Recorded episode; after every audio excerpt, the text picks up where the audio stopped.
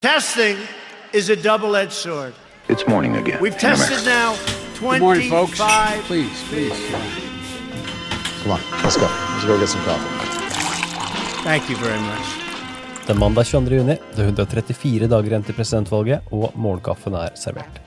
Dette blir siste ordinære uke med morgenkaffen før vi tar en sommerpause.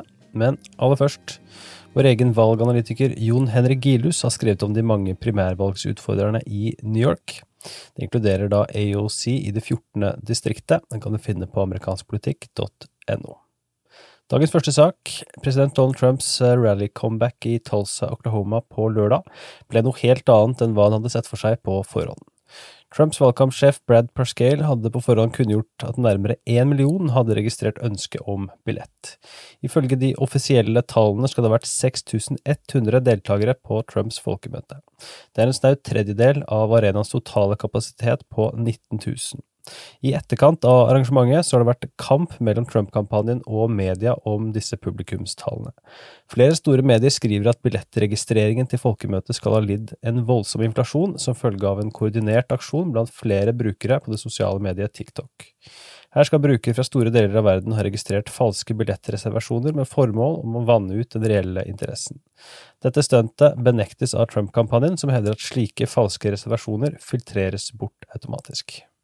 Trump og kampanjen la skylden for de lave publikumstallene på media og de som protesterte utenfor arenaen. Trump skal ifølge rapporten ha vært rasende over det lite imponerende publikumsoppmøtet.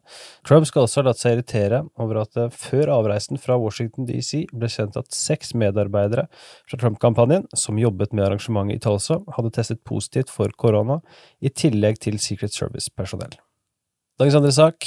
Biden-kampanjen hentet inn hele 80,8 millioner dollar i mai, og det er første gang i valgkampen at den tidligere visepresidenten har samlet inn mer enn Donald Trump og Den republikanske nasjonale komité gjennom én måned. Trump-leiren endte på 74 millioner dollar, og tallene for april var imidlertid svært jevne, og Biden og Trump-kampanjen fulgte hverandre som skygger. Trump RNC samlet inn 61,7 millioner dollar, mot Biden og Demokratenes nasjonale komité sine 60,5 millioner dollar.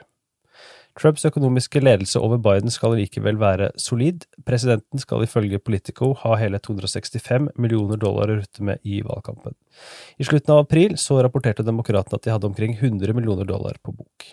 Det pekes også på at mai var den første måneden hvor Biden var den eneste gjenværende demokratiske kandidaten i feltet, etter at Bernie Sanders kastet inn håndkleet i starten av april. Bidens maitall blir for øvrig også sammenlignet med tilsvarende innsamlingstall for Barack Obama i 2012 og Hillary Clinton i 2016. I mai 2012 samlet Obama inn 60 millioner dollar, mens Clinton dro inn 38 millioner dollar i mai 2016. Dagens tredje og siste sak. Fredag forrige uke ble det rapportert inn hele 30 000 smittetilfeller av koronaviruset i USA, det høyeste daglige tallet for antall smittede siden 1. mai. Arizona, Florida, California, Nevada og South Carolina fikk alle nye dagsrekorder med koronasmitte på fredag, og helseeksperter peker på større ansamlinger av smitte, særlig blant yngre mennesker. CDC anslår at USA vil ligge et sted mellom 129 000 og 149 000 koronadødsfall innen 11. juli. CDC anslår at viruset vil fortsette med økt spredning i åtte delstater i tiden fremover. Samtidig så sa Donald Trump på sitt rally i Tulsa at han gjerne skulle hatt mindre testing, ettersom økt testing resulterer i negative mediesaker om flere smittede. When you test, when you do testing to that extent, you're going to find more people. You're going to find more cases. So I said to my people, slow the testing down, please. They test and they test. We got tests that people don't know what's going on. We got tests. We got another one over here. The young man's 10 years old. Det er altså det lydklippet som har blitt oftest spilt i etterkant av Tulsa-rallyet. Biden-kampanjen ser det samtidig som et av øyeblikkene som de kommer til å rette fokus mot i dagene som kommer. Dagens utgave av Målkaffen er servert av Henrik Skotte og undertegnede Are Togoklaten.